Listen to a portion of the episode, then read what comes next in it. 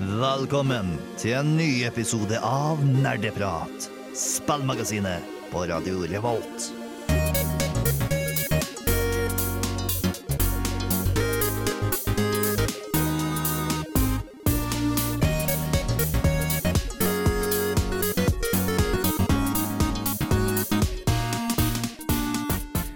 Hei og hjertelig velkommen til eh, episode 100 av Nerdeprat. I, vi feirer med en liten miniserie på tre episoder, der vi skal uh, gå gjennom de tre store gigantene innenfor spill. Altså Nintendo, Sony og Microsoft med Xbox. Uh, I studio så har vi Tor Magnus. Tommy. Håkon. Og jeg er Torben og skal være programleder. Og tekniker samtidig, så det er alltid litt uh, spennende. Eh, vi skal eh, i dag ta for oss Nintendo. Og med det så inkluderer vi historien til Nintendo. Favorittspillet fra Nintendo. Og TM, du har også anmeldt et eh, klassisk Nintendo-spill. Stemmer. Jeg anmeldte Paper Mario, som eh, betydde mye for meg eh, i min Nintendo-bakgrunn. Yes. Og vi har eh, selvfølgelig også det sedvanlige, i forstand av nyheter, ukas spørsmål og hva vi har spilt siden sist. Og vi har selvfølgelig også musikk. Vi starter eh, gans ganske rett på med musikken i dag. Her skal du få The Dogs med Who's Gonna Pay. Og eh, på starten av hver sending så stiller vi egentlig det samme spørsmål hver gang. Hva har vi gjort eller spilt siden sist? er, du, er det noen som har noe spesielt å melde? Uh, jeg har jo spilt en del Dark Souls uh, som vanlig. Jeg vet ikke om folk blir lei av å høre meg si det, uh, men nå har jeg fullført Dark Souls 1. Ja, og jeg hører rykter om at du har lyst til å spille det igjen allerede. Ja, ja, ja. Det er kjempegøy. Altså, jeg står, jeg står sånn halvveis for det jeg sa om at Dark Souls egentlig ikke er så vanskelig. uh, det, det er måte du var det Get Good. Ja, du må get good, selvfølgelig. Men vi føler at det er områdene som er verst. Bossene er på en måte OK når du først blir kjent med dem. Og mange av de er overraskende OK, veldig lette. Mens du har kanskje en eller to som er sånn wow, OK, her må jeg faktisk tenke litt mer. Ja, for du har også spilt litt eh, ikke, ikke Kanskje ikke siste, men du har også gått kjent med Dark Souls, eh, Håkon. Ja, jeg er jo veldig veldig glad i Dark Souls. Og jeg er, eh, jeg er for så vidt litt enig med det Tor Magne sier. Bare at jeg liker å beskrive det som at Dark Souls har en veldig bratt læringskurve. Med at eh, Det tar deg kjempelang tid å komme deg inn i det, men så fort du kommer deg inn i det, så er det ikke så vanskelig lenger. Eh, Kurve, eller vegg, som vi kan kalle Ja. det. Ja. Vegg. Det er nok mer en ganske brå eh, vegg der. Ja. Ja. Eh, Har du spilt noe eh, Er det noe å rapportere? Um, jeg, har jo, jeg har jo spilt litt i grann Kingdom Hearts 3, så kom Ja. meg litt gjennom der. Det kom ut forrige uke, var det det? Ja. Mm. Så, um, og så tok jeg meg en liten pause fra det igjen for å fullføre Persona 5. Så det var, det Så det er nå fullført? Ja. Nå kommer nok til å spille det en eller annen gang igjen, men ikke om en stund, fordi det er veldig langt spill. Ja, Så Det er det. jeg er enig, ass. Eh, har, hva har du gjort noe eh, siden Eh, sist? Sånn Jeg har faktisk eh, Tommy? Jeg har uh, utfordret meg selv litt grann og tenkt ja, vet du hva. League of Legends, vi prøver igjen. Eh, Igjen? så Har du vært borte fra det? jeg har vært borte fra det i et halvt år cirka. Eh, Mm, så jeg bestemte meg for å prøve å sette meg inn i det igjen og se litt hva som har skjedd. og litt sånne ting, og se om det har skjedd noe spennende. Fordi i League of Legends så er det jo slik at hvis du er borte i bare noen måneder, så er det et helt nytt spill når du kommer tilbake. Er det ikke det? Helt nytt er vel kanskje Altså, litt å ta i, ikke helt men nytt, men, men du, vi snakket jo litt om hvordan det ble Ja. så annerledes. det hadde kommet sånn to-tre nye champions allerede, og litt sånn, så jeg var sånn OK, det er jo spennende å se hva de gjør. ja, for um, det greia i league er jo at de, de prøver å endre på gamle champs, samtidig som de lager nye. Champions Så- er da altså de figurene som du spiller som i eh, League of Legends? Ja. Mm. Så det, det, er jo veldig, det kan jo komme som et lite sjokk. da La oss si at du er veldig glad i en karakter, og så kommer du tilbake på en stund, og så har de endra denne karakteren. Liksom, å, jeg, jeg som pleide å være så god med denne Ja. figuren, nå, nå kan jeg ingenting Ja. lenger. Ja, det er mer det at nå vet jeg plutselig ikke hva den figuren gjør lenger. Ja, for jeg var sånn, men gjorde ikke den det? Hva skjedde? What? Nei, har, har noen av dine favoritter blitt uh, endra, eller Tommy? Eh, nei, Riven er fortsatt uh, unchanged, og jeg er veldig glad for det. Blir sverdet hennes fortsatt et større sverd? Ja, ja, absolutt. Er det noen andre figurer du har merka deg som på en måte, må, må du altså sette deg inn i hva som endrer seg, fordi at du kan møte motspillere som spiller en endra figur? Ja, det ting er at jeg legger veldig godt merke til at det er et par champ champion som har blitt uh, endra litt, hvor jeg sliter litt med å skjønne hvordan jeg spiller mot den eh, Mm. champion. Så det, det skal jeg innrømme at det, det har vært noen jeg har vært litt sånn Oi, OK. Uh, hva, hvordan spiller jeg mot denne? Hva er det du gjør da? Uh, basically, jeg har valgt Fordi du kan jo banne enkelte champions, så motstanderen ikke kan velge de. Ja. Jeg velger å ikke banne noen champions, så jeg får mest mulig ut av eh, spillet. Så jeg kan spille mot flest mulig champions. Så jeg basically kan lære meg hva jeg burde gjøre. Ja, jeg taper en del nå i starten, men eh, jeg lærer mer og mer. Ja, learning by doing. Mm. Så Det er det vi Dark Souls-fans Ja. er veldig, veldig kjent med. Ja, for jeg er kjent med Fra Splatoon så har du alle disse forskjellige våpnene. Så det er jo omtrent Å, det ja. samme som eh, du har med ulike figurer i League of Legends. Oh, det er kult. Og der, eh, det jeg gjør, er jo å prøve ut våpnene. Mm. Prøve å lære meg litt, meg litt oh, ja, hvis jeg blir slått ofte av den figuren, så kan jeg eller av et våpen, så kan jeg, jeg spille med det våpenet selv. Ja, Og da blir jeg slått ut fortsatt, da. Fordi det viser seg at det er ikke våpenet som gjør forskjellen. Men uh, da lærer jeg hva er det som gjør at jeg blir slått ut. Mm. Det også er jo, er jo også en ting jeg har gjort, er å liksom lære meg Eller bare spille den championen én eller to ganger. Og så, OK, så det er kittet den, så det er cirka hva cooldown er, og litt sånne ting. Så da kan jeg prøve meg fram der og skjønne Mm. litt mer. Yes. Eh, du har også forberedt eh, litt eh, nyheter, Det har jeg, vet du. og det skal vi få etterpå. Men eh, først skal vi høre Crispy med låta I Want To Tell You. Nerdenytt. Yes, da er vi klare med nyheter. Og Tommy, du har eh, søkt på internett. Det har jeg jo. Jeg har søkt litt på internett og funnet litt eh, her og der. Mye kommer fra Pressfire, så takk til dere. Um, eh, forrige uke så husker dere kanskje Hvis eh, dere lyttet på forrige episode, så husker dere kanskje at det, det var veldig mye trist nytt og veldig ikke så morsomt nytt. Men denne uken så får vi litt gladnytt. Eh, vi kan jo starte med at eh, nå kan du endelig spleise sammen alle Fortnite-kontoene dine inn til en uh, enkel en, så alle uh, alt du har gjort på hver um, på en måte konto, vil samles til én. da. Ja, for det var Eller kanskje ikke sånn ubegrensa. At folk, hvis folk har spilt på flere kontoer. Er- Her er det snakk om folk som var opp, nødt, nødt til å opprette flere kontoer. ja. Fordi hvis du spilte med en konto på en PlayStation, så var den kontoen for alltid eh, tainted med PlayStation. Ja. Så du fikk ikke lov til å bruke den på noen annen spillkonsoll. Mm. Og tilsvarende også med Nintendo Switch-kontoer. Kunne ikke brukes på en eh, PlayStation 4. Men nå som Sony har løsna litt opp på det her, så kan de faktisk ha samme konto på begge. Ja. Så det vil si at du da får alt det du hadde på PlayStation-kanten din og sånt. Det vil jo være ganske greit når du da Ja, har, det er litt kjipt å måtte levele opp tre account eller kontoer når du liksom ja, spiller på to forskjellige Er det på en måte en, en sånn teknologisk restriksjon som har gjort at de ikke har gjort det her tidligere? Eh, for jeg, jeg har på en måte hørt litt mixed om det, at de kunne egentlig ha gjort det hele tiden, men at det bare er på en måte penger som står i veien for at de egentlig ikke har gjort det, som går utover spillerne. Jeg tenkte først at det kanskje var på grunn av um, at det var forskjellige plattformer. At det var litt det at de ville holde Fordi PlayStation ville holde restricted til at det var PlayStation sin plattform. Ja, altså, de, de vil jo gjerne ha spillerne hos C, sant? de Ja. vil jo ikke gi, Mm. gi de til andre, selvfølgelig. Det, det handler jo om penger. Eh, Og jeg tror det er veldig mye derfor de har Og nå har de jo gjort cross-platform, så da tror jeg det egentlig har blitt gjort at det, Vet du hva, ja, Vi kan like gjerne la de spleise sammen kontoene. Liksom. Det er ikke noe poeng i å ha tre kontoer hvis du spiller på både PC, Nei. mm, Switch og PlayStation. Liksom. Det er litt sånn Man blir veldig fort oppgitt. Og i tillegg ha en på mobilen hvis du gjør det. Ja, nettopp. Så det, det er greit at de slipper å gå på bekostning av spillerne lenger. ja. eh, så det er jo en ganske det er en god nyhet for alle dere Fortnite-spillere der ute. Yes. Eh, litt annet nytt. Eh, nå er det en eh, kilde som tydeligvis skal ha Uh, snakket litt om at Nintendo jobber med en mindre versjon av Switch. Dette er kun spekulasjon og kun, ikke noe uh, fakta her. Men det er en liten kilde som uh, henviser til dette, da.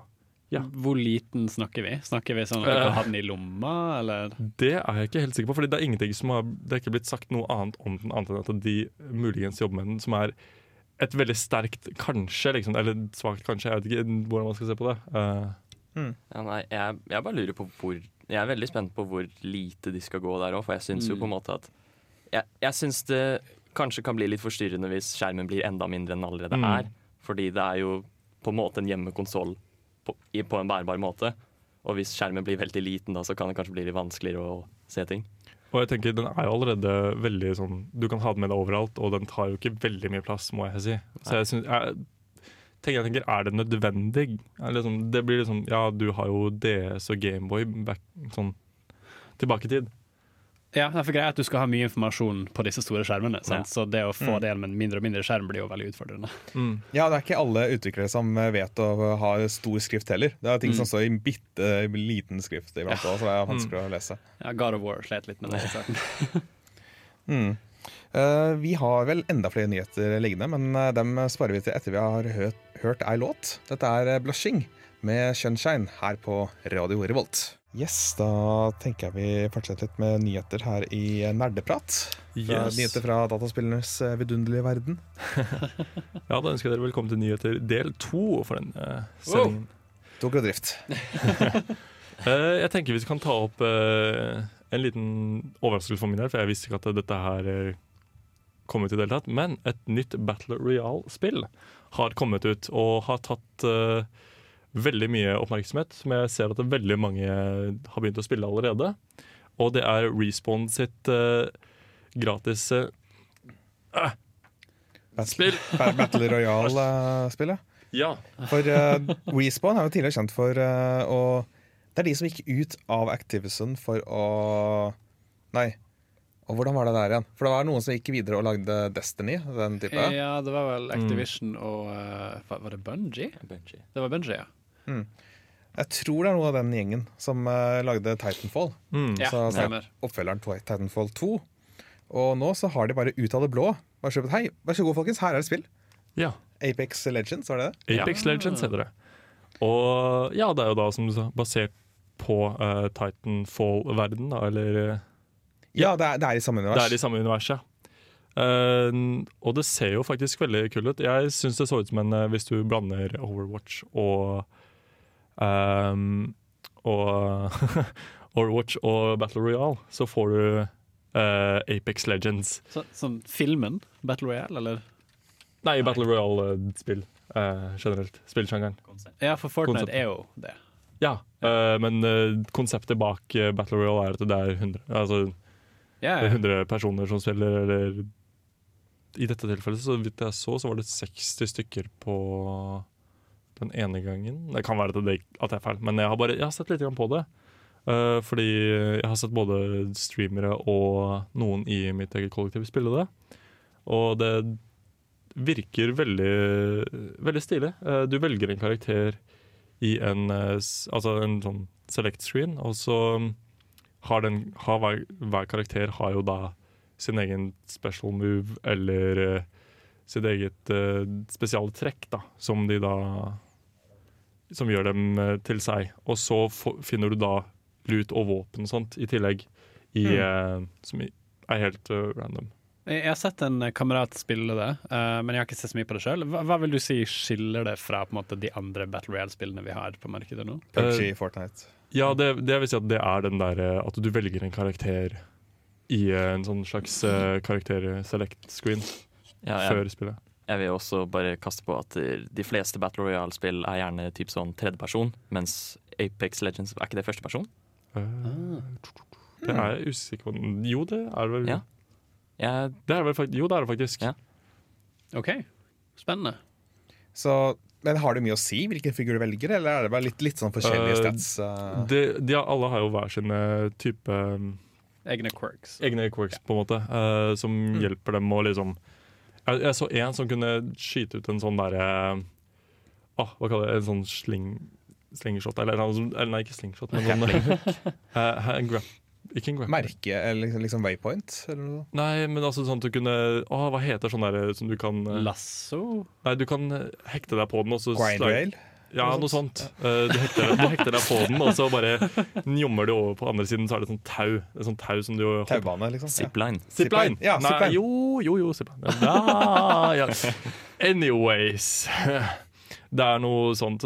Det, alle har jo hver sine kule quirks, som sagt. Ja. Og det er veldig kult. Det syns jeg skiller fra at det, liksom, Det var en ny ting jeg ikke hadde sett før. Så var det sånn, «Hei, Du velger faktisk en karakter som har noe ekstra greier. Men er det Ok, Jeg skulle til å spørre om det er noen strategi med at du At ikke flere kan være samme figur, men hvis det er Battle Royale, det er 100 stykk, så ser jeg for meg det er kanskje litt vanskelig. Ja, altså alle, det, det vil jo, Du vil alltid møte noen som har samme karakter som deg. Ok. Eh, mest sannsynlig hvis, ingen, hvis ikke du bare spiller en karakter som er kjempedårlig, og ingen andre vil spille, liksom. Andre. jeg. Eh, men hvorfor vil du spille en kjempedårlig karakter? I don't know. Eh, Men ja, det var Apex, Apex Legends. ja, det var Apex Legends. Har vi en siste liten eh, nyhet? eh, Vi har ei eh, lita koselig nyhet. Eh, det har nå blitt eh, forliket mellom The Witcher-forfatteren og CG Project etter at Oh, no. denne gigantfakturaen ble sendt til CG Project om at han halve forfatteren her var litt sånn smålig irritert for at han ikke hadde fått det godt nok betalt for å Mm. ja, Uh, gitt uh, rett Gitt uh, CG, Pro CG Project eh, Men ja, vi snakket jo om det her tidligere, at han ville ha Ja. mer penger fra CD Projekt. Og, og det var jo litt surt måten det gikk på. da. De kunne ha håndtert det litt bedre, begge partene. Men nå har det kommet til Ja. forlik, som betyr at de har kommet til avtale utenfor retten. Ja, han skal eh, Han basically får en liten sum cash for det. Yes, Så da antar jeg at alt er fint, og at de kan fortsette samarbeidet med Witcher-serien. Ja, det virker sånn. Eh, Vi skal nå straks eh, snakke om Nintendo, som er tema for dagens sending. Vi skal få høre Aidatu Tulevaisus med tekst i TV 666. Og vi eh, trer nå inn i eh, temadelen vår, hvor det i dag handler om eh, Nintendo. Neste gang handler det om PlayStation, og så gangen etter der igjen handler det om Xbox i vår triologi, hvor det går gjennom de tre store. Men nå først altså Nintendo. Og det føles som en litt sånn rart spørsmål å stille, for det er, på at vi, alle vi i studio så er det veldig åpenbart hva det er. Men jeg tenker å stille det åpenbare spørsmålet likevel. Hva er Nintendo? Ja, Tommy. Er ikke det sånn derre spillselskap? Jo, det er det! Ja, Nintendo er jo kanskje Det, det er den eh, spillprodusenten jeg har vokst opp med, iallfall. Ja. Sånn uh, historiet. Fordi eh, de, de, det er de som har Gameboyen og Nintendo 64, selvfølgelig. Uh, Game Advance, GameCube, Wii. Wii. Ja. Wii U. Ja, det er en egen ja. spillekonsoll, for det som ikke visste det. Mm. Uh, Er det ikke der han der Mario holder til, da? jo, det er det. Det er, det er Come on, guys! Er det Pokémon også? Men ja, Nintendo er jo en av de største navnene innenfor eh, spill. Det er de Super Mario, Zelda, Pokémon, yeah. you name it. Mm. Metroid, yeah. St Star Fox. Basically nostalgi i spillverden. Yeah! Men Nintendo uh, spiller litt på eh, nostalgistrengene, altså. I hvert fall Mm. nå i senere år, syns jeg. De gjør det. De har jo på en måte fortsatt og kapitalisert på disse karakterene som vi vokste opp med og som vi traff da vi var små. Mm. Og lager på en måte nyere og nyere og nyere titler eh, med Link og Mario og Donkey Kong osv. Eh, Ja. Og jeg ser ikke at den trenden slutter anytime soon, så lenge vår generasjon på en måte lever. Er det noe annet sånn rød tråd vi ser i Nintendo, og hva slags spill de lager? De lager veldig mye eget og veldig mye originalt. Mm. Og holder seg til det.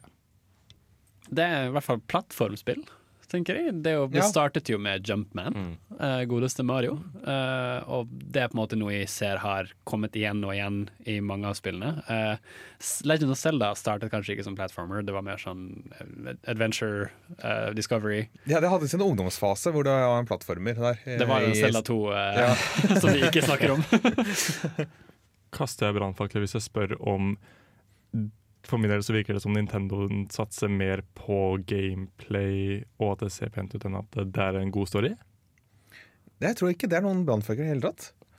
Um, det var jo Jeg husker det var en uh, Switch reveal, eller hva det var, på E3, hvor uh, Reggie så fint sa at det, hvis uh, At det spill skal være moro, og hvis det ikke er moro, hvorfor gidder du? Mm. Mm. Så, um, så det er jo veldig åpenbart at de har et stort fokus på gøy og moro i spillene sine. Mm. Jeg tror det jo. Eh, veldig mye med disse tidlige Nintendo-spillene er òg at eh, jeg tror ikke mange av de hadde så mye plott, egentlig. Eh, kanskje fordi de ikke visste hvor langt de kom til å gå, og da investerer du gjerne ikke så mye tid til å lage et plott heller.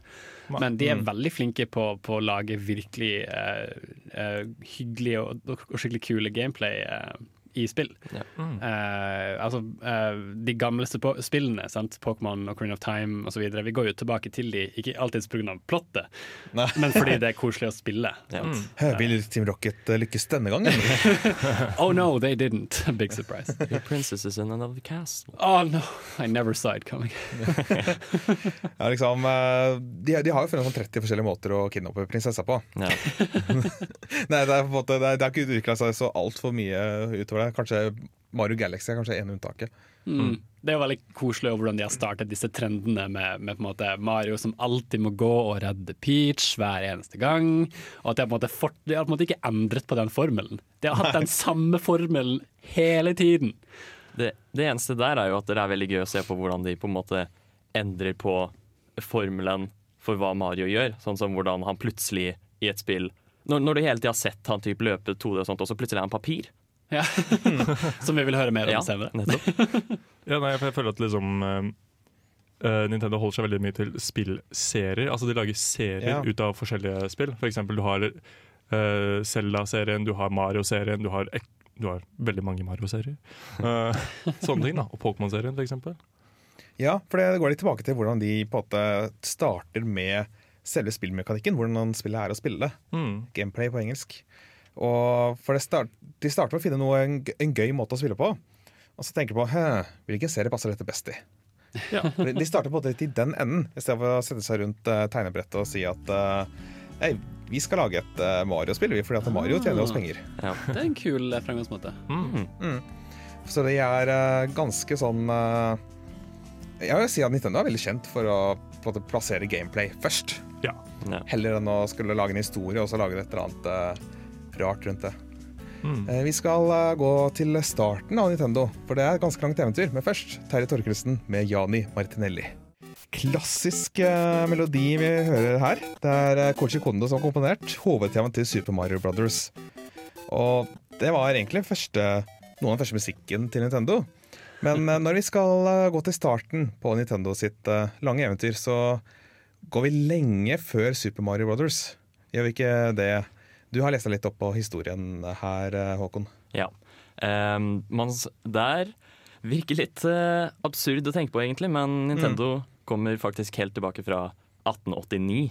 Hvor Yes. uh, du hadde uh, Fusajiro Yamauchi, um, som dannet selskapet, og de produserte noe som kalles Hanafuda, som er et type japanske spillkort.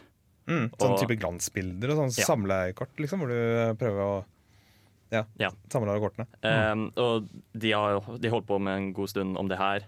Også hvor de til og med fikk eh, sponsorer av Disney, og lignende, sånn at de kunne lage Disney-kort. Jeg fikk lisens, ja. Ja, Kom Nintendo før eller etter Eiffeltårnet? det Jeg, jeg, jeg, så, jeg slo det opp i stad. Uh, Eiffeltårnet kom i mars rundt der, i eh, 19, nei, 1889. Mhm. Og så kom Nintendo i september samme år. ja. Oi. Men det er litt sykt å tenke på at eh, Nintendo er nesten like gammelt som Eiffeltårnet. Mm. Jeg tror ikke det het Nintendo hele veien. Det var noe annet. Uh... Oh ja. det husker jeg ikke. det, det må jeg helt ærlig innrømme at jeg ikke noterte det. Men, eh, um, men jeg kan i hvert fall fortsette litt, da. Hvordan, Fordi eh, rundt 1950-60-tallet så begynte de å bli et leketøyselskap i tillegg. Mm. Hvor de også slo inn med typ Ultra Hand, som var en veldig stor greie. Ja, for det er sånn klo eller sånn hånd Ja. som du kunne bygge selv, og så ta på måte Litt sånn som Donald-leke, nesten. Ja. Ok. Um, men etter hvert så innså de at det var litt uh, At dette markedet her krevde innovasjon hele tiden. Så Mm. de begynte å lage spill i stedet. Og så lagde de sitt første spill i 1973 som het Laser Clay Shooting System. Hvor man Du har på en måte sånn falske gevær og typ en sånn virtuell vegg, og så skyter du på sånn eh, eh, Hva heter det igjen? Leirduer. Og det er jo basically Duck Hunt, jo. Ja, det, det er på en måte første versjon av Duck Hunt. da. Bare, em, og så har de jo laga et par arkadespill. Du har jo f.eks. Donkey Kong i 1981. Em, Ja, den hvor eh, liksom. Visstnok komponert av eh, eller En av melodiene fra det spillet tror jeg faktisk var komponert av selveste Shigura Miyamoto. det, jeg, det var vel altså, Miyamoto holdt vel egentlig på med nesten alt innenfor Donkey Kong, så vidt jeg skjønte det. Så um, Jeg, jeg hoppa også over det, da, men det er også verdt å nevne at de i 1980 lanserte også Game Awards-serien. Som Ja. var en stor hit med mange innslag, hvor det aller første bare het Ball. Hvor du, hvor du er en sånn svart figur, og så sjonglerer du. Ja, for dette er sånn gamle LCD-skjermer hvor Det var ikke sånn at du hadde piksler og sånt. Nei. Svart firkant. Det var sånn at du hadde på det forhåndstegna steder som kunne fylles, ikke med blekk, men altså kunne liksom vises, da. Så kunne ha disse primitive animasjonene og ting som skjedde. Og det heter jo Game of Watch fordi at dette var også ei klokke. Ja. Så du kunne stille inn på denne, disse enhetene. Altså, hadde du en klokke, og så kunne du spille. Så Game of Watch. Det var akkurat det jeg skulle inn på. At eh, det het Game Watch, og det bruktes som en klokke. Ja. Noe som var veldig gøy.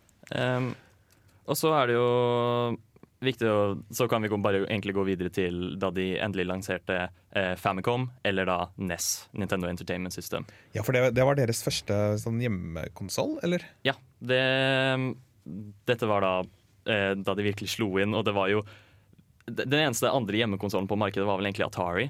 Mm. Så Men dette var jo på tidspunktet hvor det berømte krasjet i spill- spillindustrien hadde vært. Ja. Med Atari og ET er jo ofte trukket fram. Dette drittspillet som eh, liksom, Alle produserte spill, og det ble veldig mye inflasjonsspill, og folk ble rett lei av alle disse drittspillene som var ute på markedet. Så det var på at det veldig Man hadde ikke så mye tiltro på spill lenger. Mm. Hva er ET? ET, uh, Extraterrestrial, den der uh, oh, ja, du mener spillet Ja. om ET? Ja. ah, OK, jeg trodde du snakket om noe helt annet. Morsom fun fact. eh, Det ble begravet, bokstavelig talt. Oi, Eh, Det det. var faktisk en, et x antall kopier som ble- begravet. det er litt som Chewbacca-spesialen i Star Wars. Ja, Mm. ok, Skjønner. Ja, for uh, tingen var da at uh, folks dataspill OK, det har jo nå vært et krasj med dataspill. Ok, Vi, vi tror ikke på dataspill lenger. Det var, det var gøy så lenge det varte. Mm. Sånn at uh, noe av det Nintendo gjorde da de lanserte denne første NES-en, i hvert fall i Amerika, tror jeg det var, så branda de det ikke som en uh, spillkonsoll, men mer som et slags, slags leketøy, eller sånn maskin, på en måte. ja, de, de kaller jo det Entertainment System, så det er jo ingen tegn på en måte at det er noen konsoll. Eller gaming. Liksom. Ja. Det, er, ikke Nintendo Gaming System. Nei. Og, de, og den, hvis du ser på designet på den, så den ser nesten ut som VHS-spiller. Ja. For du åpner opp det lokket hvor du kan eh, ta inn uh, spillkassettene. Mm. Ah.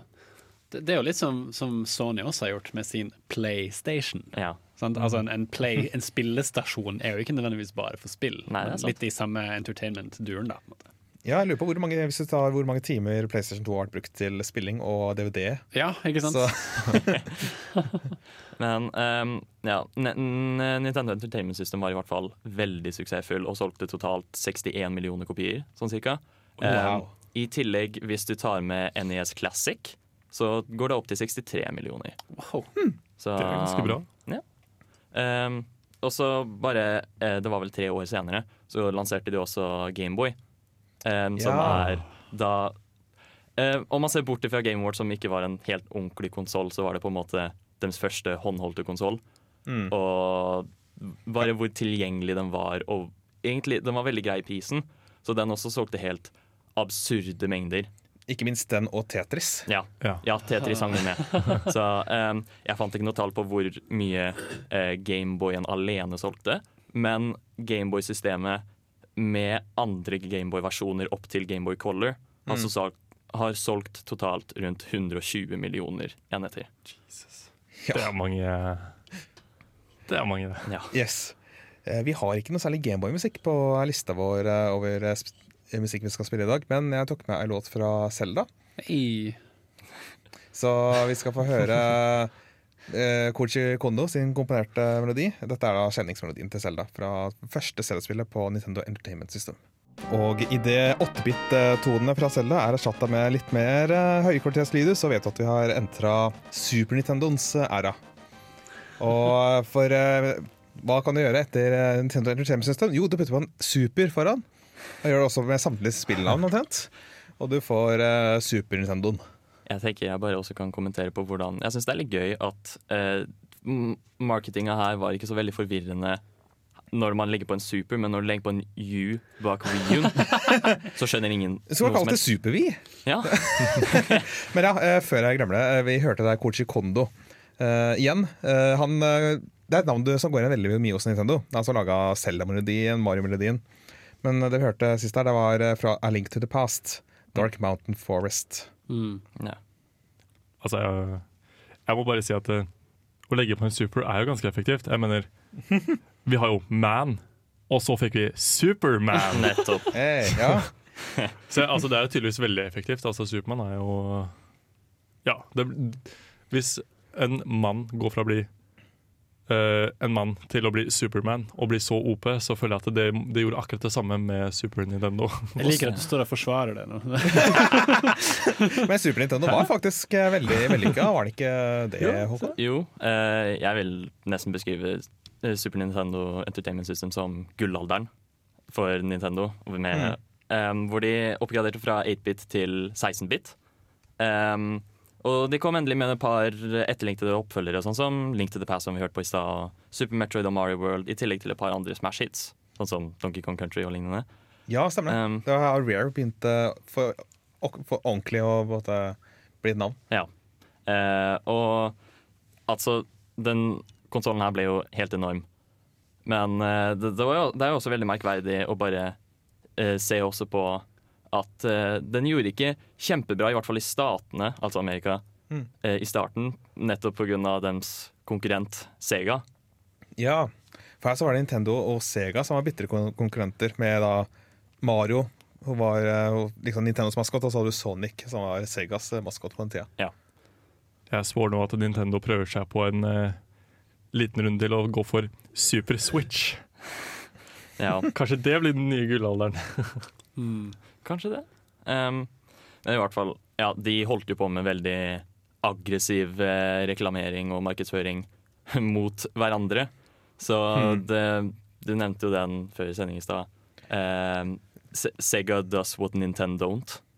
Um, og SNESen var, vel, var alltid veldig stor i Japan, men eh, salgene på SNESen falt veldig i Amerika for eh, Sega Genesis. Men den tok den eventuelt igjen, da. Så, Ja, for Nintendo ga ut Smash-hit etter Smash-hit på, Ja. på mange måter. Mm. Hadde, jeg husker ikke rekkefølgen her, men A Link to the Past det regnes som mange som det beste Zelda-spillet. I hvert fall Ja. av de 2D-variantene. Eh, Super Mario World høyes, holdes opp som en av de beste 2D-Mario-plattformene ved siden Mhm. av Super Mario Brothers 3. Mm. Og du har eh, Og det er også der Yoshi's Island eh, ble lansert. Et av mine favorittspill. Ja. Um, og så er det jo eh, sistnevnte Donkey Kong Country, som også er en helt fantastisk plattformserie. Og Mm. min favorittplattformserie. Så I tillegg så har jo også Nintendo gitt ut en god del Pokémon-spill, og de har gjort det Men det er vel ikke på Super Nintendo. Det Nei, kom nei, nei, jeg tenkte bare jeg trodde du mente Nintendo generelt. Sorry. Jeg, Ja. Du må følge med, Tommy. Ikke, nei, altså, det er, er, er, er, er, Men ja, eh, Men, da, eh, Super Metroid eh, spiller oss jo fortsatt eh, hver eh, Games on Quick-event. ja. Em, eh, en annen eh, Super Metroid er jo det beste spillet i verden, så eh, Men eh, en annen sjanger som også var veldig veldig populær på SNESen, var jo også Final Fantasy. Det var jo det her Ja. det stammer nesten fra. I hvert fall i statene. Du skal kanskje ikke tro det når du ser på Final Fantasy-spillet nå til dags, men de starta på Nintendo. Ja, de gjorde det. Og ja, det var vel egentlig grunn, grunnen til at nesten klarte da å konkurrere mot Sega Genesis, var jo nettopp fordi de hadde så utrolig gode titler som dette. Og ikke bare fra Nintendo. Fordi at eh, nå til dags er vi så vant til at uh, Nintendo, det er bare Nintendo-spill som kommer ut på den. Og Ja. Alle andre lanserer på PlayStation og Xbox. Det er liksom de obligatoriske konsollene. Men tilbake på SNESens tidsalder så var det SNESen som var den obligatoriske konsollen. Ja. Mortal Kombat kom jo på SNES, tror jeg det var. Ja, det gjorde det. Gjorde det? Ja. Så Og originale Street Fighter kom dit etter hvert. Ja. Så er det på at alle disse tredjepartsutviklerne, Konami og Capcom og forskjellige, had, det var liksom Nintendo som de eh, lanserte på. Ja. Så og Det var jo for så vidt altså da det samme på Sega Genesis, hvor i hvert fall et par spill, sånn som um, Det er en veldig sånn fin og gøy eh, spilladaptasjon av Aladdin. Som Ja, kommer både på Nintendo og Sega Genesis. Og så De hadde jo på en måte litt sånn tredjepersonsupport, de også, men Mm. Nintendo hadde da på en måte mer og bedre exclusives. Sånn til slutt, Du var inne på liksom JRPG, altså japansk rollespillsjangeren. Og jeg føler det er på en måte det jeg husker nesten best. Ikke at jeg var i live mens Snessen var ja, det, Men eh, det når jeg ser tilbake på snesten og sånt, blar i historiebøkene, så er det på en måte de japanske rollespillene som slår meg som på det mest ikoniske Ja. på den. For da har du den 2D-stilen som kanskje ikke kommer tilbake igjen før Game by Advanced. Ja. ja, jeg er veldig enig. Og da, er, da vil jeg gjerne bare kaste pekepinn mot uh, Chrono Trigger, som er Ja. et nydelig JRPG-spill. Og eh, en annen også som for så vidt ikke var så veldig stor, den var jo Earthbound. Ja, stemmer det. Som kom ut eh, i Europa for noen år siden, bare, på VU uh, Virtual Console. Men som eh, har blitt en kulthit uh, i Amerika, hvor den kom ut uh, vesentlig tidligere. Ja. Så, Det, var- det var også til Super Nintendo. Så på en måte, det, det er så mye som uh, kom ut uh, og starta der. Eh, jeg tenkte vi skal få høre nettopp uh, tittellåta til uh, Chrono Trigger. For det er Det spiller bare OC-kvalitet. Eh, før vi da går videre inn i uh, konsollen som kom etter Super Nintendoen, nemlig Nintendo 64. Og der hørte vi vakre toner fra Nintendo 64-spillet Super Mario 64. Eh, igjen komponert av Koji Kondo. og 1964 er interessant, fordi at eh, der gikk vi fra to dimensjoner til uh, tre dimensjoner. Ja. Og ja, vi hadde sånn pseudo-3D-greier på Super Nintendo, men det var her du faktisk Nintendo innoverte og viste oss hvordan man lager spill i tre dimensjoner. Og det ser man jo også i uh, Super Mario 64. Mm. Eh, så får man jo litt den der feelingen med 3D. Yeah. For da, Dette er jo et bra tidspunkt å nevne litt tilbake på, på Sega. Fordi dette, denne overgangen til 3D var jo på en måte der eh, Sega, i hvert fall med maskoten sin Sonic, eh, viser seg å ikke takle overgangen så bra. Eh, mens Mario på en måte prydet seg på å virkelig tjene på denne 3D-verdenen med plattforming som var faktisk veldig underholdende og gøy. Eh, så var det å introdusere et veldig, veldig raskt pinnsvin med plattforming i 3D mer rot enn Ja. gøy. Og nå. Og plottet, eller plottet hermetegn, Uh, Seven Chaos Emeralds, eller whatever. Uh, Ja, for da snakker du om uh, Sonic Adventure. Sonic Adventure med hvor Eggman skal ødelegge verden. Jeg vet ikke, det, det har ikke vokst så bra. Med Nei. Men eh, nok om eh, Sega Dreamcast. Holdt jeg på å si. Eh, Nintendo 64. Ja! Ja. Um, da, her oppgraderte jo da Her tok de et ganske stort hopp ved å gå fra 16-bit til 64-bit. Eller da 3D, om du vil. Um, og den solgte faktisk veldig bra på første dagen, hvor den solgte 500 000 enheter på lanseringsdagen. Oi, wow! Um, men sånn helhetlig så har den svikta litt i salgene. Mm. Uh, sånn i forhold til uh, Sony og PlayStation, som da hadde lansert sin konsoll, altså PlayStation, jeg tror et år før. Mm. Um, og det var veldig mye lettere for tredjepartsutviklere å uh, produsere spill med CD-formatet, mens Nintendo holdt seg til det kassettformatet som de var så veldig glad i. Ja, fordi med CD-formatet så får du mye mer lagringsplass. Så du Ja. får plass til mye mer spill. Mens med kassettformatet så har du mye mer begrensa med plass. Ja. Og kassetter er også veldig mye dyrere å produsere-. Ja. Mens du kan ha sånn samlebåndsproduksjon med CD-er og sånt. Som gjør at eh, Jeg tror du måtte ut med en sånn tusenlapp nesten for et 64-spill. Ja, nettopp. Så, men eh, det, til tross for dette så har jo på en måte var det en veldig bra konsoll sånn sett, og den er jo veldig elsket av fansen. Og det var- bare imponerende å se dem når de på en måte skal ha forhold til en ny akse. Og så får de det til så bra med Mario 64, i tillegg til andre fanfavorites som Banjo Kazooie for eksempel, eller eller The Legend of Zelda. Mm. Ja, for her fikk du Ocarina of Time, Ja. som la mye av eh, grunnrammen for hvordan eh, eventyrspill kan lages i tre dimensjoner. Mm. Så fikk du også oppfølgeren eh, Majora's Mask, som uh, var ganske involverende for Selda å være. Ja. Det kom jo også ut veldig kort tid etterpå, fordi de igjen brukte mye av ressursene de hadde. Ja. Eh, Så de slo veldig godt av, begge to. Jeg har, jeg har inntrykk av at eh, 1964 da begynner vi å nærme oss det området hvor eh, vi har de sånn nostalgiske følelser. ja, mm. Definitivt. Eh, Har du noe, Altså, for min del, så Ocarina of Time, definitivt. Eh, Jeg har brukt mange timer på det. Jeg husker jeg satt pissredd i pysjamas og var redd for å gå inn i DQ3 og kjempe mot Queen Goma i starten av spillet, fordi det var, jeg levde meg så inn i det. Eh, og det å gå inn i den gravgården med disse zombiene som hopper på det og jukker på det hvis du kommer for nærme, det var my worst nightmare. Eh, så jeg holdt, jeg holdt meg til de hyggelige stedene som Kakariko og London Ranch og red rundt på Ipona. Altså. Uh, men da også selvfølgelig Paper Mario betydde mye, som Ja. vi vil komme litt tilbake til seinere. Det Yes. fant jeg på Arkdal den gangen det het det, oppe i tredje etasjen hvor de hadde litt spill. Visste ikke at det var der, men hei, kult, dette må jeg prøve. Altså, frelst. Mm. Ehm, for min egen del, så Jeg tror kanskje den kjæreste Nintendo 64-spillet for meg var Donkey Kong 64.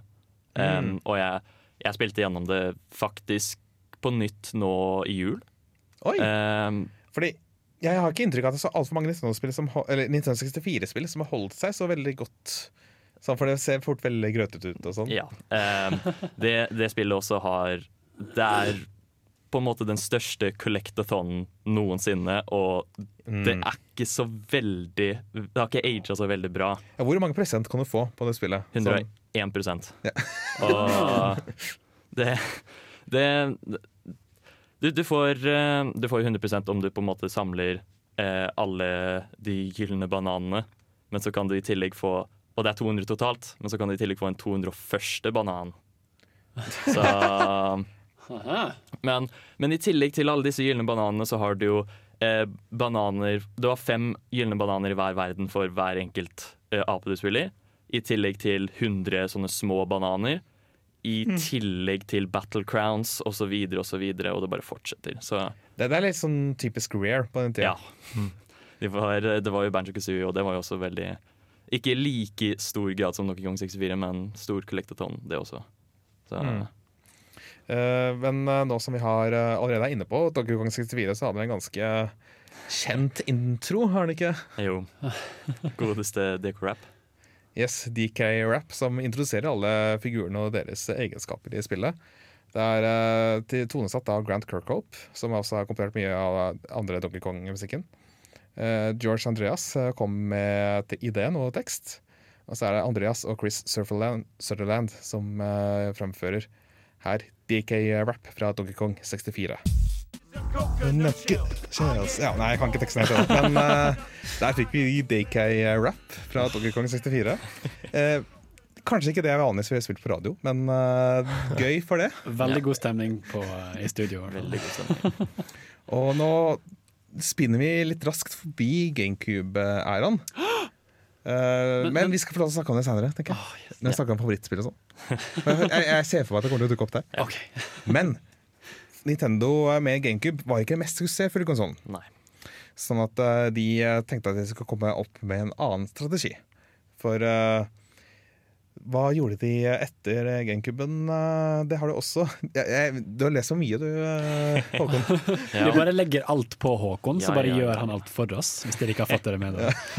Um, ja. Eh, GameCuben var jo da, som du sa, det svikta kommersielt. Så de innså at de måtte endre på strategien litt.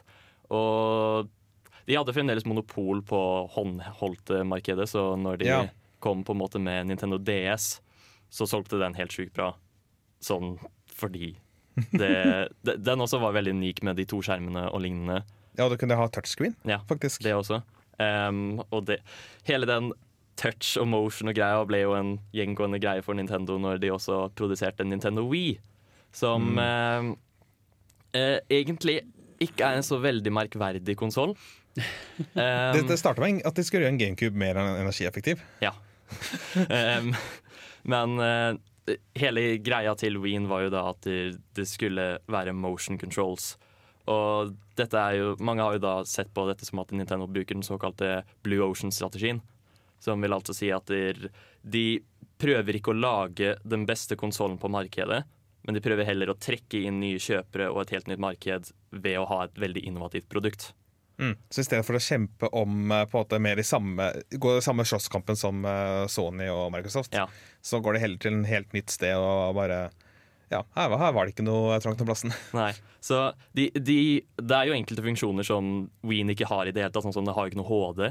Det har Nei. heller ikke evne til å spille DVD, eller, og den har til og med ikke noe harddisk. Um, og det gjør det jo ikke bare Det gjør det lettere å produsere, altså billigere å produsere. I tillegg så fikk jo alle sine mind blown når de kommer med denne motion controls. og som får til og med de som på en måte ikke tidligere har vært interessert i spill, til å kjøpe. Mm. Ja. For eh, noe av det de så når de så på GameCuben, så tilbake på den, så var det sånn at oi, her var det veldig mange knapper. Du ser liksom på fronten, og så har du A, B, Y, X. Ja. Du har to kontrollstikker, du har en D-pad. Og så er det til og knapper på baksida der. Ja, nei, nei, dette var for forvirrende, liksom. Mens med Wien og dens uh, Wii Remote som, For det første, det er ikke en kontroll, liksom. Det er, det er en remote. De har liksom Ja. tatt uh, TV-kontroll-metaforen og brukt det. Altså, hvem som helst kan svinge en racket, liksom. Skjønner du det? Mm. Du trenger jo ikke å si at der, der har du A-knappen. Eh, Du må sørge for å holde den inne på det tidspunktet. Liksom. Nei, nei, nei, du bare ja, du gjør bevegelsen. Jeg føler også at Wien er på en måte den konsollen som ble eh, tilleggsutstyr the console. Ja. Eh, for du hadde på en måte alle disse tilleggstingene du kunne kjøpe for å, for å Altså, det ble jo bare liggende og støve ned etter hvert. Men, men det var liksom ikke måte på hvor mye tilleggsutstyr de hadde. For eksempel til denne rackerten du snakket om. Du kunne faktisk kjøpe en sånn plastikkracket og plassere kontrollen, Ja. eller remoten, inni. Mm. Sant? Og masse slike ting som du bare bruker til spesifikke ting. Ja, jeg hadde jo blant annet uh, vi og alle disse tilleggsgreiene i tillegg. uh, det fulgte med sånn derre starter pack-things-greie. med noe Wii Sport nummer to eller noe, eller annet, eller Wii Sport Resort eller noe. Ja. Ja. Eh, så fikk vi med en haug med sånne ting. Og det var liksom baseball, eh, sånn racket, to sånne kontroller til Mario Kart. Det var ikke måte på. Ja. Og så var det sånne sverd i tillegg. Ja. Fordi det var sånn egen sånn sverdkampgreie. Uh, game eh, Ja, type spillgreie. Stemmer det. Ja, um, jeg vil jo også bare I forhold til Wii Sports Resort så kom det jo da også med det ekstremt innovative produktet, altså Wii Motion Plus. Hvor, som er på en måte lite sånn trekk som du bare tar rundt Wii-moten, og så får du enda mer dybde i motion controls. Som Mm. de brukte for totalt, jeg tror kanskje to eller tre spill. Så Var, det, var Links crossbow training en av dem? eh, Eller var det, nei, nei, nei, det var uten Skyward Det var Sword. Skyward Sword. Ja. Ja. Links crossbow training var et spill som kom. Ja. Jeg husker også jeg hadde et sånt um, James Bond-spill uh, eller noe, hvor man da fikk med en faktisk pistol eller sånn pistolplastikkgreie som du kunne putte V-kontrollen inni, så kunne du faktisk faktisk skyte. Og jeg bare, det fungerte så dårlig, du aner ikke engang. Det som er skuffende, er jo at du får ikke solgt disse tingene etterpå. Uh, videre. Worth anything. Jeg har jobbet i spillbutikk, og jeg, har- jeg, jeg har møtt mange frustrerte kunder som har kommet tilbake og har prøvd å selge disse tingene brukt. For det første får de ingenting for de, og for det andre er det ingen som vil kjøpe de liksom etterpå. Eh, så det er liksom bare, du sitter med masse sånn Det er som om barnet ditt har vokst opp, sant? og du sitter med masse barneleker som du egentlig ikke trenger. Ja. Eh, som er litt synd, da, at gjenbruksverdien var veldig lav akkurat eh, på det konseptet. Ja, men eh, jo, denne strategien i hvert fall, det var veldig åpenbart at den fungerte. Med tanke på at eh, de solgte bedre enn deres konkurrenter PlayStation 3 og Xbox 360, og solgte totalt rundt 100 millioner enheter. Ja, det var eh, Det er vel vi og PlayStation 2 som er kjemper om å være tidenes mestselgende konsoller. Ja. Og Wii Sports tror jeg også var tidenes mestselgende spill, fordi at det fulgte med. Det, var, det er vel på fjerdeplass, tror jeg. Mm. Jeg husker ikke hva som ligger over, men det var noe sånt. Yes. Eh, Jeg tenkte vi skulle få høre litt uh, musikk fra både DS-æraen og eh, Wii-æraen, hvor de prøvde å fange nye kundesegmenter. Først der så tenkte jeg å ta en liten morsom en fra Nintendogs, nemlig musikken som spiller når du bader hunden din. Uh, komponert av Hajime Wakai. Etterfulgt av hovedtemaet til spillet vi nevnte i stad, Wii Sports Resort. Eh, komponert av Ryo Nagamatsu, men med litt stykke stykker fra det originale Wii Sports-temaet, komponert av Kasumi Totaka. Så de to får du etter hverandre her på Radio Revolt. Yes, vi har eh, nå snakka oss litt gjennom Nintendo-historien. Men TM har forberedt en anmeldelse til oss, en retroanmeldelse av eh, Paper Mario til 64. Og den skal du få høre her. Langt oppe over skyene, lenger enn du tror, ligger Star Haven. Hjemme til stjernene. Det er her den legendariske stjernestaven ligger. En magisk skatt med kreftene til å oppfylle ønsker. I hendene på de syv ærede Star Spirits opprettholder de freden i verden ved forsiktig bruk av stavens krefter. Ingenting skulle vise seg å forstyrre denne freden, helt til Bowser bestemte seg for å ta stjernestaven for seg sjøl. Maktesløse falt de hedrede vokterne av staven i møte mot Bowser sin overveldende makt. Fra nå av skulle stjernestaven adlyde kun hans vilje, og ingen andres.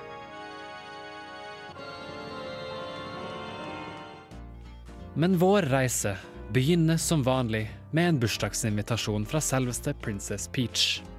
Hun skal ha fest, og alle de trofaste borgerne og mødrene deres er invitert.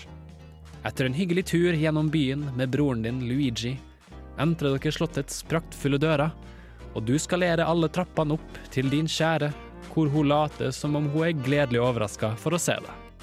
Luigi får ikke være med. Alt virker perfekt. Men akkurat når Mario og Peach er i ferd med å slappe av, inntreffer det utenkelige.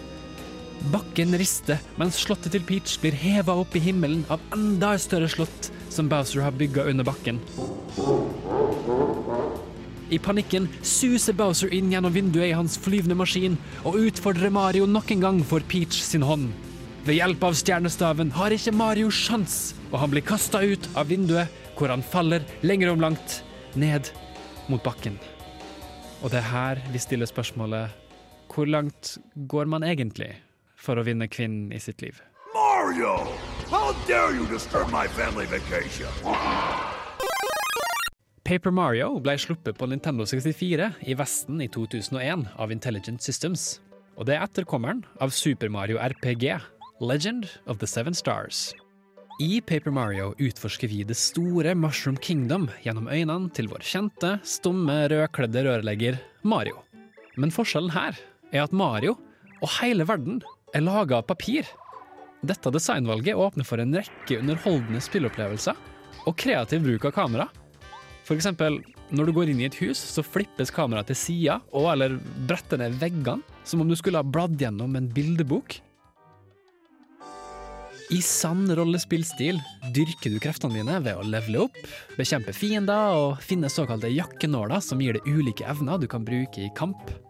I kampene går man inn i en egen modus, hvor du og fienden står på en scene hvor dere angriper hverandre etter tur. Det hele gir deg nesten en følelse av at du opptrer foran et publikum, noe som er gjort med hensikt. Verden er fylt med flerdimensjonale karakterer, dialog og mysterier som du vil møte, og hemmeligheter som du kan finne. Med deg på reisen treffer du også spesielle karakterer som vil følge med deg på eventyret ditt. Som eksempel en liten Goomba med caps, en rosa babamb, eller en kul Lakitu med solbriller. Du veit, de som glir rundt på skia og fisker det opp når du kjører utfor i Mario Kart. Ved hjelp av vennene dine kjemper du deg gjennom ulike utfordringer i kongeriket og gjenoppretter kreftene til de ærede Star Spirits én etter én. Som takk tildeler de kreftene sine og hjelper deg å ta opp kampen mot Bowser gjennom den eneste måten de vet å beseire han på, nemlig den undervurderte kreften av ønsker.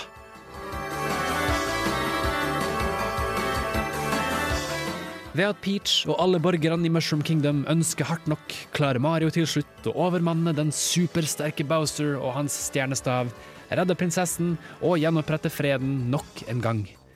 Det blir fyrverkeri, og alle feirer. The end. Vel, i hvert fall for denne gang.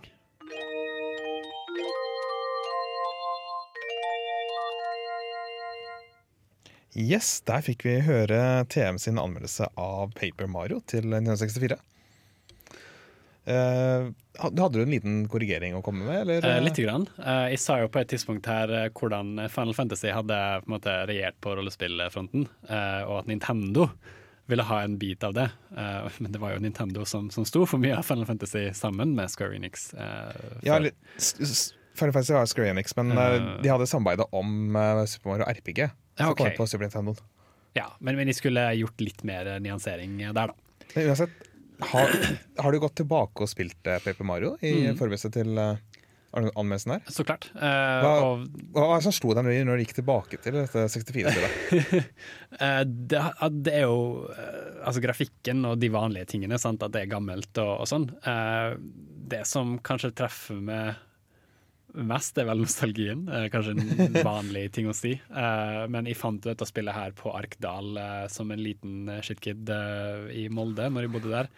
Eh, og lurte på hm, det her så kult ut. Og så kjøpte jeg det og så gikk jeg hjem, og så bare wow, det var så gøy. Eh, kampsystemet er ikke noe du forventet hvis du er kjent med Mario fra før. Du går liksom inn i, i rollespill combat ikke sant? med evner du kan bruke, og du kan hoppe, du kan bruke hammeren din.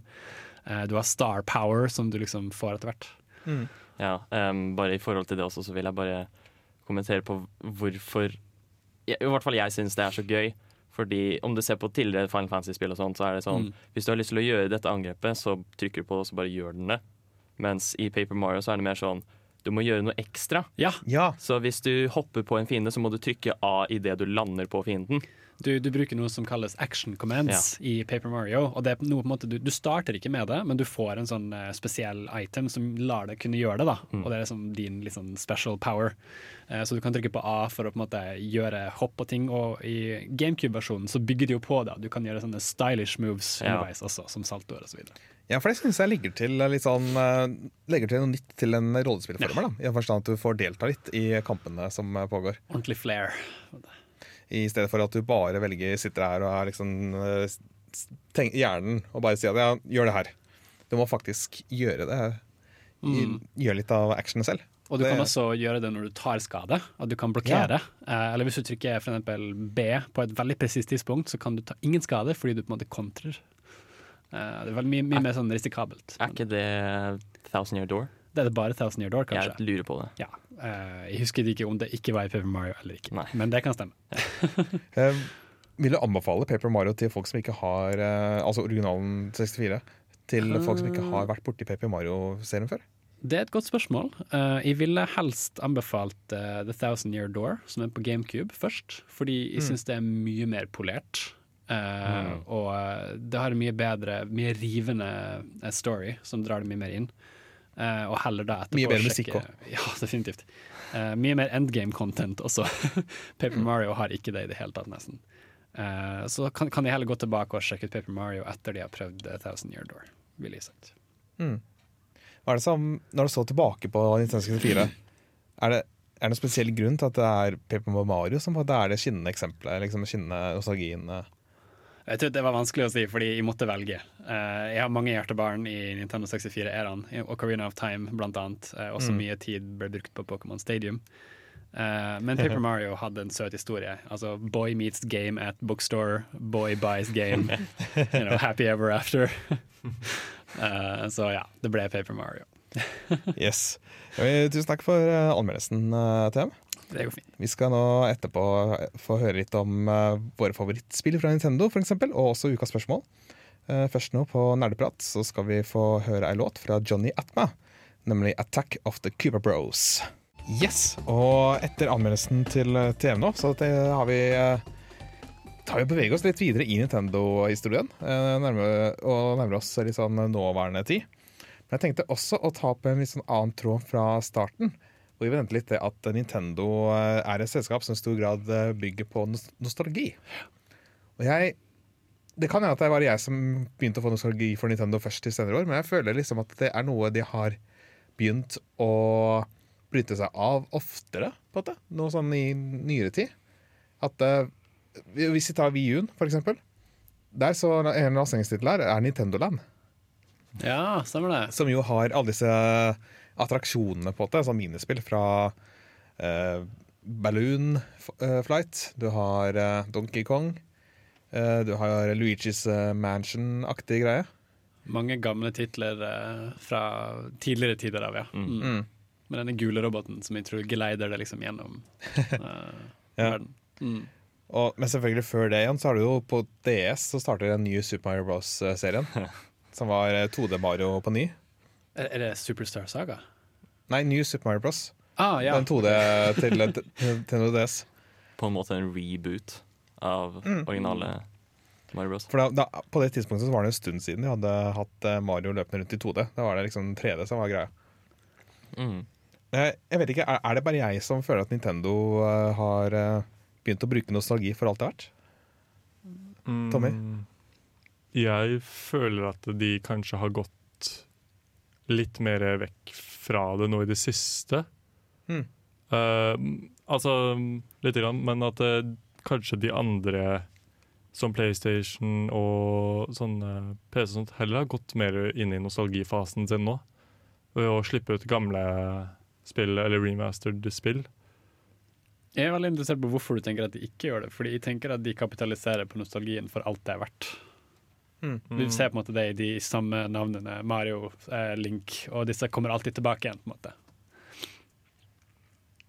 Eh, jo, nei, altså, jeg tenker jo at eh, nostalgi er jo en Jeg føler det er mer å spille de gamle spillene som ga deg den følelsen. Nå så, De slipper jo fortsatt ut nye Mario-spill og Mm, mm. sånne ting. Og da får jeg ikke like mye nostalgifølelse som når jeg faktisk spiller det gamle spillet med den samme grafikken og litt sånne ting. Jeg vet ikke, det er, og det er litt mer nostalgi for min del, da.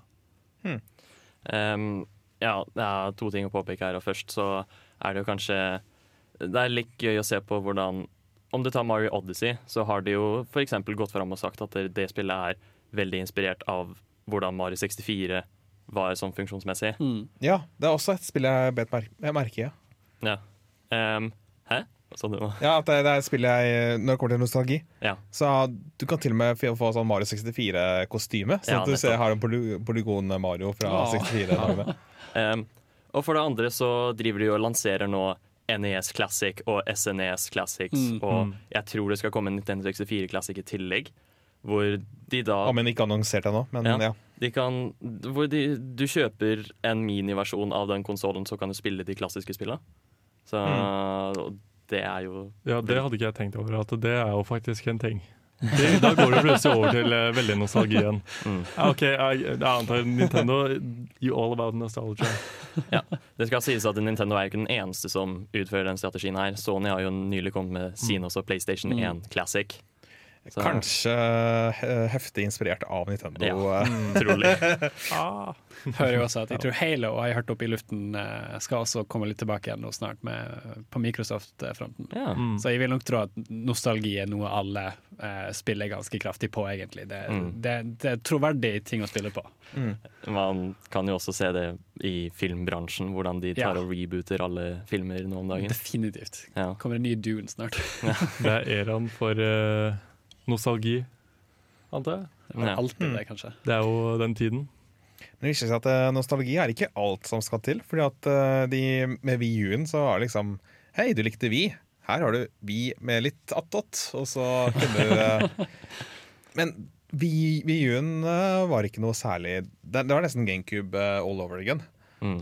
Altså, jeg har den, Ja, og jeg var veldig glad i den. Uh, nå har jeg ikke spilt den i det siste, men, men den har jo koselige spill som Mario 3D-land, og den hadde også Smash. Mm. Uh, og jeg har kost meg Du kan kjøpe gamle Gameboy Advance-klassikere på den, som Fire Emblem Sacred Stones. Og den var liksom gøy for det den var verdt. Det er jo også bare synd at den er jo faktisk helt ubrukelig nå, med tanke på at eh, de porter alle Wii U-spillene over yeah. på Switchen i tillegg. Og et av de spillene som de porta over, er faktisk et av mine favorittspill. Ja. Ja. Donkey Kong Country Tropical Freeze. Jeg så Og, det spill, eh, og i det spillet så tok de Retro Studios eh, hyra tilbake igjen David Wise, Mm. som ikke hadde laga noe for Donkey Kong Country-serien eh, på en god stund. Så jeg tenkte jeg vi skal få høre en av hans låter for det spillet, eh, før vi går over i ukas eh, spørsmål. Her skal vi da få høre David Wise eh, med låta 'Scorch and Torch'. En låt med det jeg liker å kalle for Phil Collins-trommer. For de som kan sin eh, musikk. Når innså du at du var en gamer? Dersom du kunne spilt kun et spill i et år Hva er det eldste spillet i backloggen din? Hva har du lært fra spill som du har fått nyte av i Er det et spill som har hjulpet deg gjennom en tung periode av ditt liv? Hva er ukas spørsmål? Ukas spørsmål er så mye som eh, Altså, Vi har snakket mye skryt om Nintendo, og det er vel en fire Nintendo-fans eh, mer eller mindre i studio. Men alle gode Nintendo-fans vet også at det er mye vi ikke er helt fornøyd med når det kommer til Nintendo. Så ukas spørsmål, eller mitt spørsmål til uh, kara i studio her, det er Hvis du kunne vært sjef for Nintendo for en dag, hva ville du gjort eller endra? Har dere noen eh, tanker? Håkon? Um, ja, det For dere av De av dere som har en Switch, og da kanskje online-servicen der, vet at den ikke er så veldig oppfyllende på Ja. krava sine. Så jeg er Det er jo så, litt sånn drømmescenario, og jeg vet jo ikke hvor tilgjengelig det hadde vært, men kanskje gjort noe med det. Fordi det, det er ikke så veldig tilfredsstillende og bra. Nei, for hva er det som mangler med Nintendo sin online? Det Altså, det er jeg, jeg føler at nesten alle jeg kjenner har kjøpt online kun for Smash og kanskje Splatoon. Mm. Um, de har jo også lovet alle disse virtual console-spillene som du også kan få, men så får du egentlig bare et par NES-spill som oppdateres regulært, men ikke ofte nok. Uh, I tillegg så er ikke online særlig bra generelt. Så du, du opplever fremdeles veldig mye lag når du spiller Smash, eksempel. Mm. Og Det som plager meg også, er at eh, Nintendo har ganske strenge krav til nettverket ditt. Du er nødt til å ha ganske noen spesifikke innstillinger og sånt. For ellers så får du ikke, når du ikke andre spillere. Nei. Har dere gjort det opp noe formening, Tommy og Thea? Uh, jeg tror det. Eh, Ja.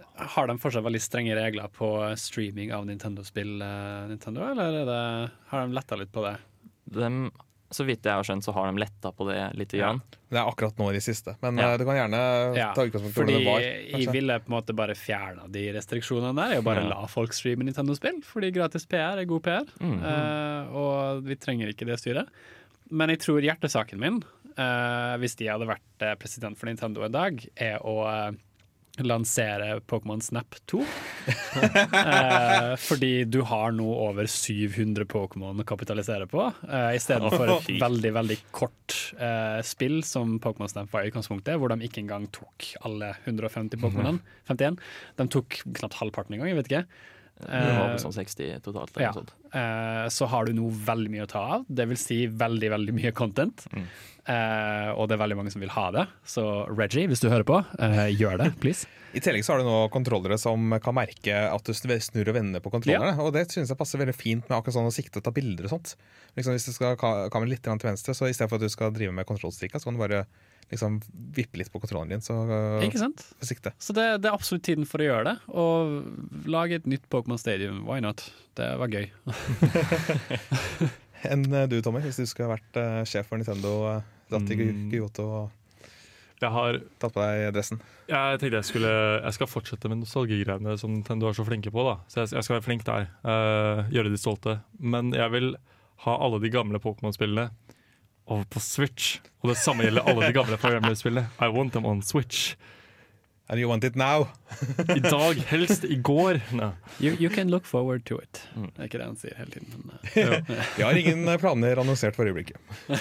Så det, det vil jeg kanskje prøve å få til. Å få Mm. de gamle Pokémon-spillene Bare fordi det er min hjertesak. eh, De gamle Pokémon-spillene over på Switch. Og ikke noe remastered versjon eller noe sånt bullshit. Eh, bare det gamle liksom, type grafikken og litt sånne ting. Se hvis det Mm. funker, da. Det er jo en ting. Om det går. men eh, hva med det, Torben? Hvis du var Ja. president eh, for en dag? Vet du hva, Jeg uh, har jo vokst opp litt med på remixing-communityet uh, på YouTube, og sånt, hvor folk remikser remixer Nintendo-musikk, og kanskje også lager litt musikk som de kunne tenkt seg originalmusikk. da. Mm. Uh, det jeg hadde, hadde lyst til å gjøre, er å rett og slett bare si for Nintendo å si at uh, hei, dere kan gjøre hva dere vil med musikken vår. Vi setter bare pris på at fansen lager ting, og også med fanart og alt mulig sånt. Og si at ja, det er nå en Creative Commons-lisens av noe slag. Hei. Så kunne folk uh, bare brukt det uten å frykte at uh, de, en advokat vekker dem over natta. Det tror jeg en god del fans hadde satt uh, pris på. Så det var det vi ville endre med Nintendo hvis vi fikk eh, være sjef for en dag. Eh, Noe vi kanskje ikke vil endre på, er musikken eh, de har. Vi skal få høre en klassiker nå fra Super Mario Odyssey. Jump Up Superstar. Temalåten fra nettopp Super Mario Odyssey. Åh, det er umulig å ikke bli i godt humør av den låta der. altså. For frysninger. Jeg tror jeg aldri har sett Torben smile så mye. Og jeg smiler ganske mye til å begynne med. Så. Eh, Når vi først nå er i så godt humør, så kan vi like godt eh, fortsette. Og for nå, nå har vi jo vært innom litt av det vi ikke helt liker med Nintendo, med ukas spørsmål og hva vi eh, har lyst til å endre. Men jeg tenker når vi nå på slutten kan eh, gå litt dypere inn i hva er det vi har våre favoritter fra Nintendo. Hva er det vi eh, ser tilbake på? Liksom, Tusen takk, Nintendo, for at du lagde dette for meg. Det er jo så mye å ta i, Torben. Du kan ikke stille et sånt spørsmål. Stort spørsmål, ja. Hvilke barn skal jeg velge av de jeg har her, liksom? Ja, Hvilke barn vil du velge av de du har der? Til, til- Eh, Åh, Gud. Altså, jeg jeg vil først og fremst gi et lite shout-out til Final Fantasy Crystal Chronicles. eh, som var en sånn spin-off-serie på GameCube, Uh, hvor du skulle koble opp med Gameboy Advancen din og kabler osv. Kanskje strengt tatt ikke laga av Nintendo, men til Nintendo-konsoll. Ja, riktig. Uh, og dette var et spill hvor verden var dekket av miasma, som skadet det, så du måtte bære rundt på en sånn vase som du skulle fylle med myr, sånn spesiell vann, og skulle da ta med det til slags verdens ende og beseire en boss, whatever. Eh, men jeg var veldig Jeg tror det var her på en måte mitt overlevelsesinstinkt som har ledet inn i Dark Souls, begynte. Fordi du, du, du var liksom veldig omringet av fiender hele tiden, og du måtte være inni denne trygge boblen som dette spesielle vannet laget for deg, som gjorde deg trygg eh, mot miasmaen. Og gikk du utenfor, sant, så var det jo alt helvete, og du dør og whatever. Eh, så veldig glad for at det startet min, eh, min karriere for sånne survival games. I guess. Ja. Rambling. Er det andre noe favoritter å plukke fram fra Nintendo eh, store bibliotek? Ehm, jeg kan jo da nevne en veldig åpenbar en, altså Super Metroid. Uh, Ja. ja, jeg, jeg vet ikke om jeg trenger å utdype så mye mer. Ehm, det, det, det er veldig bra. Veldig bra. Veldig gøy. Og jeg har spilt gjennom det altfor mange ganger. ja. um, Til tross for at det liksom kom ut lenge før uh, du eh, kom Ja. ut, holdt på å si. uh, det har et nær plass til hjertet mitt bare fordi det er så gøy. Um, og så vil jeg også gjerne gi en shout-out til Donkey Kong Country 2, som Mm. er uh, i min mening det beste plattformspillet i verden. Um, Bare fordi jeg elsker level-design i det spillet, og det er, det er utfordrende nok ved at eh, det, er på, det er veldig utfordrende, og et par av bandene blir faktisk veldig vanskelig. Men det blir aldri noe frustrerende. Det er bare gøy, Mm. egentlig. Ja, for Det er sånn deilig hvis du greier å unngå akkurat den fella med at Ja. uh, nå, nå døde jeg 10 000 ganger, og spiller sier at jeg suger, uh, så Ja. Og så um, Jeg vil også bare raskt si eh, veldig rask shout-out til jeg, kan- jeg kan ta veldig mange, men jeg vil Ja, gjerne du må velge, kompis. Du kan jeg, ikke vil- bare jeg vil ramse gjerne opp. bare snakke om eh, Pikmin. Som er Å, ja. strategispill til GameCube, og eventuelt som også kommer til Wii. Ah. Og det er også et sånt spill som man veldig lett bare kan plukke opp og bare spille ferdig på en dag. Og, men det er kjempegøy, og hver, hver dag er på en måte Du har liksom sånn antall dager på å klare å finne alle delene til skipet ditt. Ja. Og hver dag varer bare sånn 13 minutter, så du må være veldig effektiv, og du har 30 dager på deg. Åh, det, er, det er sånne ting som stresser meg Ja. noe voldsomt. Det er, det er kjempegøy og kjempekult. Det har kommet tre spill i serien. Er det noe spesielt i serien du Eh, jeg, er, jeg er veldig glad i det første. Um, det andre spillet er også veldig bra, men jeg syns det nesten blir litt for mye Mm. elementer. Mens det første på en måte, det er veldig short and sweet. Og jeg føler det, det er et sånt spill som jeg anser egentlig som en masterpiece, på en måte. Ja. Ja. Uh, Har du noen favoritter, Tommy? Uh, jeg tror jeg skal gå veldig raskt frem og si at Pokémon er nok favoritten. Det har nok vært Mm. favoritten Pokémon på Gameboy og DS. Har vært favoritten lenge. Men jeg vil gi en liten shout-out til uh, Fire Emblem, som jeg har brukt Hey. ganske mange bra timer der òg. så eh, det er vel de to uh, spillseriene jeg har brukt mye tid på. Jeg tror vi begge er veldig på Fire Emblem 7, Ja. med Åh. Ellywood Hector. Å ja. Å yeah. Eh, jeg vil også veldig nevne Tales of Symphonia, uh, som startet min JRPG-karriere. Uh, har kommet ut av det nå, men, men det var veldig, veldig gøy Mm. back then. Jeg også har vokst opp i stor grad med Pokémon. Mm. Eh, Men eh, også et spill eh, som jeg tror jeg nevnte her før, Yoshi's Island, Ja. er et av mine Ah. favorittspill. Veldig bra. Rett og slett fordi at det er så kreativt, og hiver stadig vekk nye ting på det. Jeg føler på at det er det jeg liker best med Mario-serien. og sånt At det er så kreativt uh, lagd. Ja, det er veldig sant. Liksom, jeg, jeg skal ikke si for mye, men du har én boss som uh, fikk meg til å tenke tilbake på Super Mario Galaxy. uh, da jeg spilte. Hvor du liksom uh, er på en planet. Og skal eh, Og du, når du går rundt, så går du rundt planeten, liksom. oh, ja. Og du har eh, Ja, nei, det er eh, mye kreativt der. Så det var våre Nintendo-favoritter. Vi skal få høre ei normal låt, faktisk, for en gangs skyld. Det her er Pellicat med låta I Love, I Love The Idea of You. Og den får du her på Nerdeprat på Radio Revolt. Hyggelige toner ifra Pellicat der, altså. Vi nærmer oss slutten på Nintendo-sendinga, men dette er dette er jo bare starten på en eh, trilogi av eh, spesialsendinger. Neste uke så er det PlayStation som vi skal sitte her og mimre over og uh, prise opp i skyene.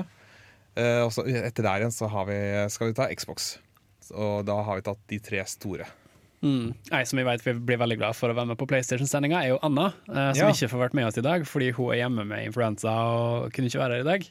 Eh, så eh, vi gleder oss til å være fulltallig i studio. Ja, du må ha god bedring, Anna. Hvis Ja, god Mm. bedring. Spis mye suppe, bli frisk. Og vi har, eh, i dag så har vi vært innom historien til Nintendo, som viser seg å være overraskende lang. Leketøy og spillekort og sånt. Det morsomme er at de Nintendo lager spillekort en dag i dag. Pokémon-kortene. Ja, for ja, det er et godt poeng. Det er alltid litt gøy liksom, når de går tilbake til uh, the, the origin.